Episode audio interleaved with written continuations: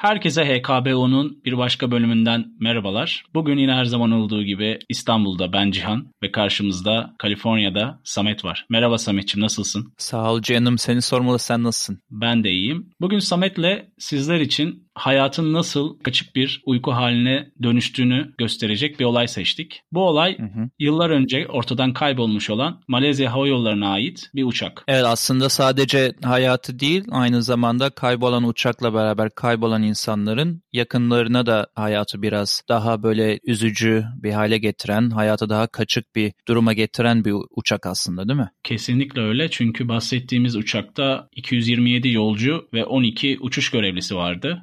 İstersen lafı fazla uzatmadan nasıl kayboldu, ne zaman kayboldu ondan bahsedelim. Evet, önce bildiğimiz veya bilebildiğimiz kadar olan gerçekleri veya istatistikleri paylaşalım. Sonra sonlara doğru bu uçağın hala bulunamamış olması ile ilgili komplo teorilerine de bahsedebiliriz. Dediğin gibi öyle yapalım. Bahsettiğimiz Malezya Hava Yolları'nın Kuala Lumpur, Malezya ülkesinden Beijing, Çin Halk Cumhuriyeti'ne giden bir uçağıydı. Bu uçak 8 Mart 2014'te ortadan kayboldu bildiğin gibi Samet. Bu hani hep hı hı. vardır ya geç uçuşlar ya da çok erken uçuşlar görece biraz daha ucuzdur. Sanırım bu uçuş da öyle bir uçuştu yani ucuz bir uçuştu. Çünkü gece yarısından sonra olan bir uçuştu. 12.41 geçe. Aynen. Ve uçuşun aslında bakınca ilk 20 dakikası gayet normal gözüküyor. Çünkü alınan bilgilere göre tam biri bir geçe uçak 35 bin feet yani 10.700 metre seviyesine çıkmış. Yani böyle olağanüstü bir durumda yokmuş en başta. Katılıyorum. Hatta pilotla işte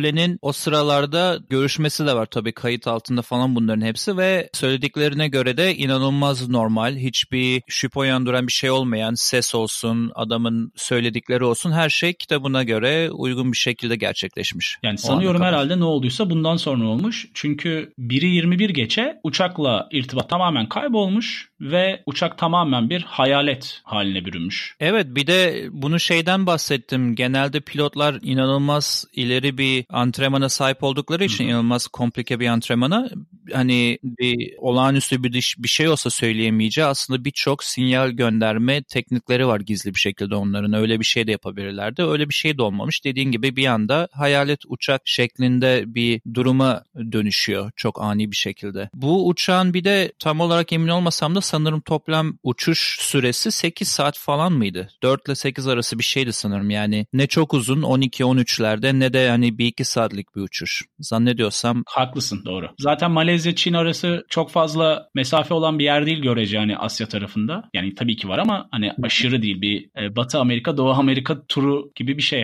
bir de onu şeyden söylemek istedim. Hani uçuşa göre ekstra her zaman bir de yakıt da koyarlar ama güzel bir şey oranda yakıtı da vardı yani bu uçağın. O da niye önemli onu da birazdan bahsedeceğim. Hı hı. Zaten biliyorsun ki hani hava yollarının tercih ettiği bir kural var. Uçağa fazla yakıt alıyorlar genel olarak. Bu bütün hava yollarının yaptığı bir şey. Daha fazla karbon salınımı sağlıyor ama bakınca da hava yolları için ekonomik bir durum oluyor. Çünkü gittiği yerde daha pahalı bir yakıt almak zorunda kalmıyor. O yüzden dediğin gibi yakıtla ilgili bir sıkıntısı yoktu. Ayrıca biraz önce dediğin gibi hani pilottan acil durum sinyali ya da gizli bir kod herhangi bir şey gelmeden bir anda 20 dakikada uçak ortadan kayboldu. Uçağın modelini de söyleyelim istersen. Uçak Boeing'in 777-200 ER uçağı. Yani kapasite olarak gayet 239 kişi. Evet orta sıralarında üçlü koltuk yanlarda da iki yanda da ikişer koltuğu olan bir uçak diye biliyorum. Aslında çok fazla sorun yaşamayan bir modeli. Öyle biraz geriye dönük baktım. Hani başka ciddi sorunlar olmuş mu? Böyle seri halinde problemler yaşayan bir model mi diye ama gerçekten güvenilir bir modelmiş o zamana kadar. Ya zaten bakınca şimdi uçak ortadan kaybolduktan sonra biliyorsun ki acil duruma geçildi ve arama çalışmaları başladı. Hı hı. Fakat hani uçak 8 Mart 2014'te kayboldu. İşin garip tarafı 29 Temmuz 2015'e kadar herhangi bir enkaz parçasına rastlanamaması. Bu en püf noktası belki de yani nereden baksam bir buçuk seneden bahsediyoruz. Bir buçuk senede bir parça bulunamadı. Evet bir de bulunan parça da anlatayım biraz dinleyenlere. Böyle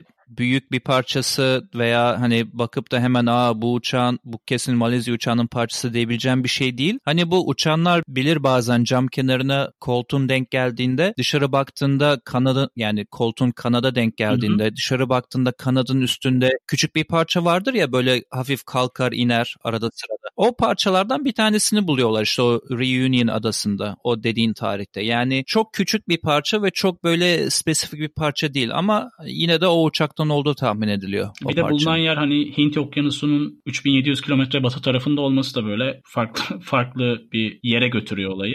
Yani, yani sonrasında tamamen e, ala, alakasız bir yer yani. Sonrasında da bir buçuk sene daha geçiyor bu bir buçuk seneden sonra. Totalde 26 adet enkaz Hı-hı. arama kurtarma çalışmaları sırasında buluyor ekip ve diğer nokta ise evet diğer küçük, nokta küçük ise hani parçalar. hani o kadar çok dağılmış ki enkaz. Hani bunun içinde Tanzanya, Mozambik, Güney Afrika, Madagaskar ve Mauritius Cumhuriyeti de var. Gayet geniş bir alanda bir arama çalışması yapılmış. Hı hı. E, ya bazıları evet, evet yani arama çalışması alanı olarak zaten uçak kayıp ya da uçak kaza tarihinin en büyük arama çalışması olduğu söyleniyor da bu bulunanların bazıları aramaya bağlı bulundu. Bazıları da biliyorsun bazı adalara orada yaşayan insanlara farklı ödemeler maaşlar bağlanıp böyle şeyler bulunduğunda bize haber verin dediler. Yani çok uzun süre geçtiği için üzerinden. O insanlar rapor edip bir şeyler bulduk diyorlar. Yetkililer gidiyor bakıyor falan öyle bulundu bazıları da. Yani artık biraz umut düştükçe denizdeki aramalar biliyorsun inanılmaz evet. pahalı. O tarz yüksek teknoloji içeren aramalar. Biraz daha adalara parçaların vurması umuduyla o yıllar sonra o küçük parçalar bulundu. Buradan şunu da söyleyelim yani kara kutu ile ilgili de bir bulunma söz konusu değil. Öyle bir şey de henüz daha yok ortada. Dediğin gibi hani yerel halktan da bayağı faydalandılar hükümetler. Ama ayrıca esas bu kaza araştırma konsorsiyumu oluşturan ülkeler Malezya, Avustralya ve Çin'di. Ve Ocak 2017'de hükümetler ortak bir karar alıp arama çalışmalarını artık sonlandırıyorlar. Çünkü hani dediğin gibi ne kara kutuya ulaşabiliyorlar ne de kazanın nedenini ortaya çıkaracak bulgulara ulaşabiliyorlar. Ve böylece hükümetler 2017'nin Aynen. ocağında tamamen arama çalışmalarını sonlandırıyorlar. Fakat Ocean Infinity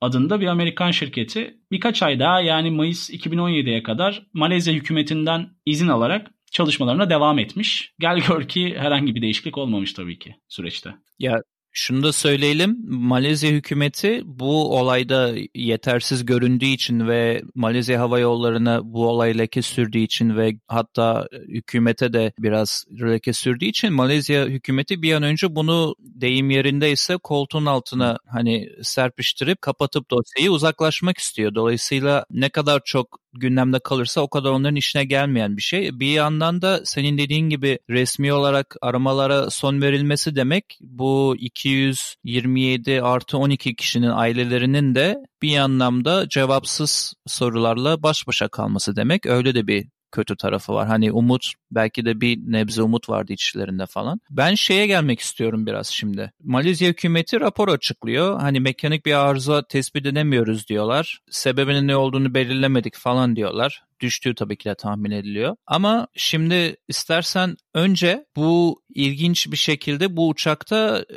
birçok milletten insan var. İstersen biraz onu bizimle paylaş. Oradan ben hafiften bu komplo teori olayına oradan bağlayıp gireceğim. Bir nevi hani Çin hükümetinin de sürece dahil olması hani bu sadece Beijing'e doğru uçan bir uçak olmaması içinde 153 tane Çin Halk Cumhuriyeti vatandaşının hı hı. kaybolması, hayatını kaybetmesi sebebiyle oldu. Malezya vatandaşı Hı-hı. olarak ise 12 kişi vardı ki bunlar uçuş görevlileriydi uçakta. 3 Amerikan vatandaşı, 6 Avustralya vatandaşı, 4 Fransa, 5 Hindistan, 7 Endonezya. Ayrıca hani Kanada, Hong Kong, İran, Hollanda, Rusya, Tayvan, Ukrayna hani bayağı böyle uluslararası bir konsorsiyum oluşturmuşlar uçakta insanlar ve hayatlarının en garip ve son yolculuğuna çıkmışlar hep beraber. Evet aynen. Şimdi bu listeyle ilgili benim iki tane çok ilginç paylaşmak istediğim şey var. Bilmiyorum sen de denk geldi mi araştırırken.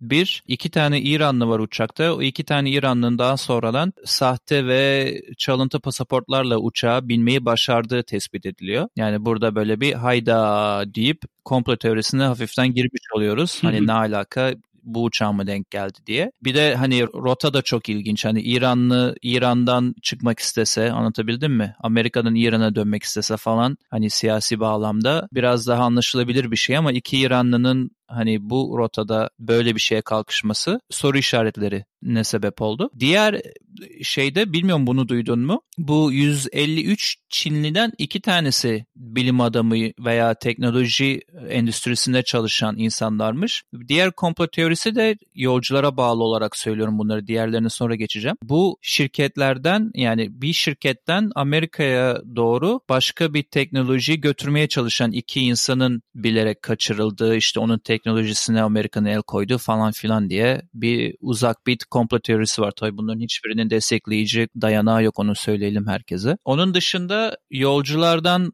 ziyade pilotla ilgili bilmiyorum baktın mı bu evinde simülasyon uçağı falan kullanmayı çok seviyormuş. O tarz şeylere hı hı. E, rastladın mı? Bakarken? Ona rastlamadım fakat hani tecrübesiz bir pilot olmadığını gördüm. Ha, o zaman şeyi anlatayım hemen sana. Evinde simülasyon oyunu var. Yani oyundan ziyade hatta neredeyse birebir gerçek olacak kadar bir setup'ı var Hı-hı. yani onun evde. Hani bütün düğmeler bilmem neler falan joystick falan hepsi var. Onun evine küçük bir araştırma yapıyorlar ve bu uçuştan bir ay önce falan bu uçuşun rotasında birebir aynı olan ama yarısından sonra yani uçuyor bunu simülasyon evet. şeklinde. Ama yarısından sonra alakasız bir rotaya çeviriyor uçağı Aa. o simülasyonda. Bu da şunun komplo teorisine sebep oldu.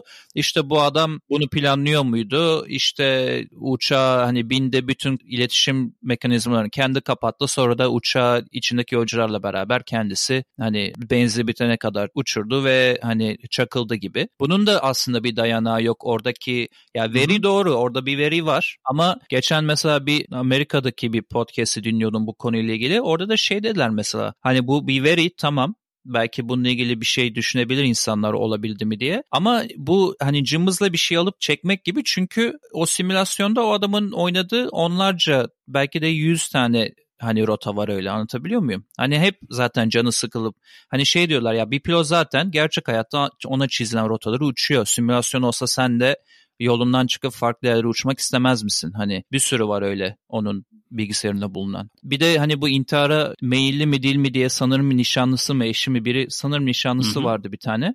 Ona soruyorlar hani o şey diyor hani ne bir alkol sorunu var ne bir depresyon sorunu var ne bizim bir sorunumuz var. Öyle bir, o iddiaları uyduranlar kesinlikle hani uydura bir hiçbir zaman hiçbir sorunu yoktu diyor. Hani o komplo teorisi de öyle biraz hafif çürümeye doğru. Ama şu dediğin nokta önemli. Hı. Hani aynı rotayı işte simülasyonda kendi manuel değiştirerek uçmuş diyorsun bir nevi. Bu evet. söylediğin şey aslında Malezya hükümetinin açıkladığı raporda da değinilen bir şey. Hani uçuş yolundaki değişikliğin muhtemel manuel girdilerinden kaynaklandığı ki uçuşta uçuş rotasında bir değişiklik olmuş uçak seyir halindeyken. Ancak hani uçağın ana kaybolma sebebi tabii ki hani rotadan çıkması falan değil yani bambaşka bir şey var orada. Yani orada kaybolmasının ilk sebebi bu uçakların 2-3 tane farklı uydulara ve kulelere sinyal yollama yöntemleri var. Onların hepsi bir anda kapatılıyor ve bunlardan bir tanesi sadece manuel kapatılabiliyormuş. Yani pilot kendi onu kapatması gerekiyor veya kabindeki biri diyeyim yani pilot olmayabilir bu. Dolayısıyla o dediğine ben de katılıyorum. O raporda yazılan o manuel kapatma olayı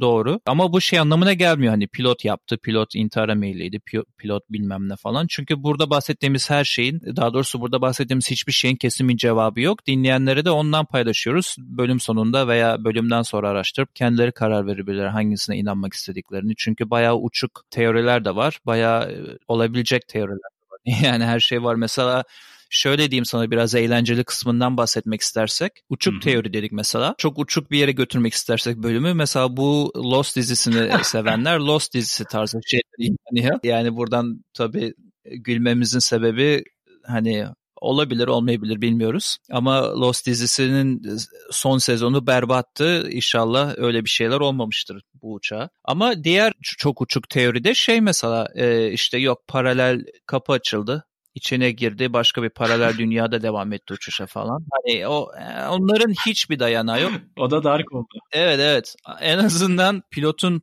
simülasyonun bir verisi var elle tutulur bir verisi yani uçmuş onu başka bir rotaya. Bir tane daha söyleyeyim sana. Daha doğrusu bir tane gerçek bir veri daha söyleyeyim Hı-hı. sana. Amerika'nın bazı küçük Amerikan üslerinin olduğu adaları varmış o rotalarda ve bu uçağın işte 8 saat uçtuğu düşünülüyor iletişim koptuktan sonra bile.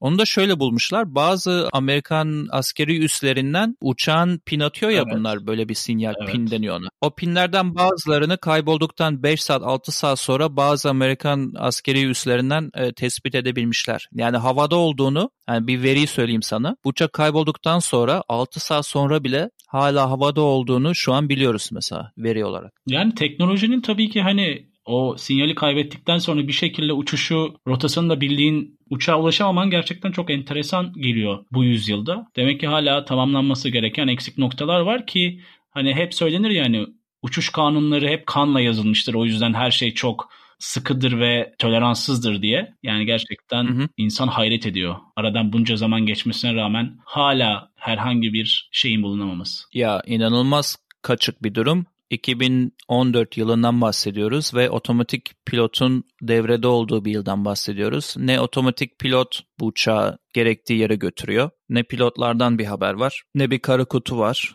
Hiçbir cevabı yok yani. Ya ilginç bir durum söz konusu. Zamanında meydana geldiğinde benim kafamı çok kurcaladığını hatırlıyorum böyle şeylere ilgisi olan biri olarak. Yani ne diyelim böyle garip bir hikaye. Aklıma başka komplo teorileri veya veriler geliyor mu diye düşünüyorum şu anda. Hani aklıma gelecek bir diğer konuda ki bu da çok uçuk bir iddia ama bu aslında biri tarafına iddia edildi. Sanırım Twitter'da yazmıştı bir gazeteci. E, uçağın rotasının çevrilip bütün iletişim mekanizmalarının kapatılıp Kazakistan'a uçurulduğu şeklinde. Kazakistan'da bir üsse indirildiği şeklinde. Onu duymuştum ben de. Dediğin gibi ben de o dönem takip ediyordum. Çünkü bakınca 239 kişinin olduğu bir koca bir uçak kaybolduğu için. Onu da şöyle destekledi o gazeteci. İçindeki yakıt oranının Kazakistan'a varmasını mümkün kıldığını söyledi. Hı hı. Bir de bu işe Rusya'nın elinin değmiş olabileceğini söyledi. Yani hep böyle işte komplo teorileri. Rusya şunu yaptı, Amerika şunu yaptı, Çin şöyle. Yani skor olarak Hani- bakarsak 3 Amerikalı var uçakta, bir Rus var. yani o kadar derya deniz Yani- bir konu ki yani hani kara kutu olmadığı sürece olayın %100 aydınlanması ya da herhangi bir soruya bir cevap bulunması gibi bir şey söz konusu olma şansı yok. Aynen öyle. Yani buradan bütün uçakta işte yakınını kaybedenlere de acayip bir empati duyduğumu söylemek istiyorum. Hani gerçekten üzücü, üzücü bir durum. Yani cevapsız durum en kötü durum benim için. Bilmiyorum sen nasıl düşünüyorsun böyle olaylarda. Yani Hani bir- evet Sonunun bir cevabın olmaması en kötüsü benim için. yani sonuçta hani yakınlar hiçbir zaman o 239 kişinin cesedine ulaşamayacağı için öyle gözüküyor bu saatten sonra. Hep böyle bir umut olarak içlerinde kalacak ama bir yandan da insanlar onu artık kabul etmişlerdir. Evet, istersen ucunu açık bırakalım bu bölümün. Zaten bizim elimizde olmayan bir sonu var. Hani Hı hı. sonsuzluğu var ya da öyle söyleyelim. Sonu yok yani. Dediğin gibi önceden ilgimizi çeken bir olaydı. Bir kayıptı. Hı hı. Büyük bir kayıptı. Bu vesileyle bir şekilde bu insanları da anmış oluyoruz ve hani Evet, uçuş doğru. hani uçuş tarihinin belki de en trajik birkaç kazasından biridir. Çünkü hiçbir şekilde uçağa ulaşılamadı. En trajik ve en gizemli uçuşlardan biri diyebiliriz herhalde uçuş tarihinin. Evet. O zaman ne yapalım? Bu bölümde yine klasikleşen. Ne öneriyoruz kısmına geçelim. Aynen öyle. Biraz hüzünlü oldu ama istersen ben başlayayım. Yani e, sen başla bu sefer. E, maalesef hüzünlü oldu. İsterdik daha olumlu bir sonu olsun ama sonu dediğim gibi olmayan bir bölüm. Neyse lafı Aynen. uzatmayalım. Sen başla söz sende. Şimdi Samet'ciğim benim birkaç tane önerim var. Onlardan sana bahsedeyim. Bir tanesi bir uygulama. Aynı zamanda web siteleri de var. Hmm. Flight Radar 24 diye bir uygulama var. Benim böyle bayağı yıllardır kullandığım ve her açtığımda ya bu kadar uçak gökyüzünde ne yapıyor ki diye düşündüğüm bir uygulama. Yani özellikle Amerika üstünde inanılmaz bir yoğunluk var. Bu uygulama çok keyifli ve aynı zamanda bir yakınınız yolculuk yapıyorsa onu anlık olarak takip edebiliyorsunuz. Yüksekliğini, hızını, uçağın tipini, ne zaman kalktığını ve ne zaman ineceğini falan canlı olarak anında size gösteriyor.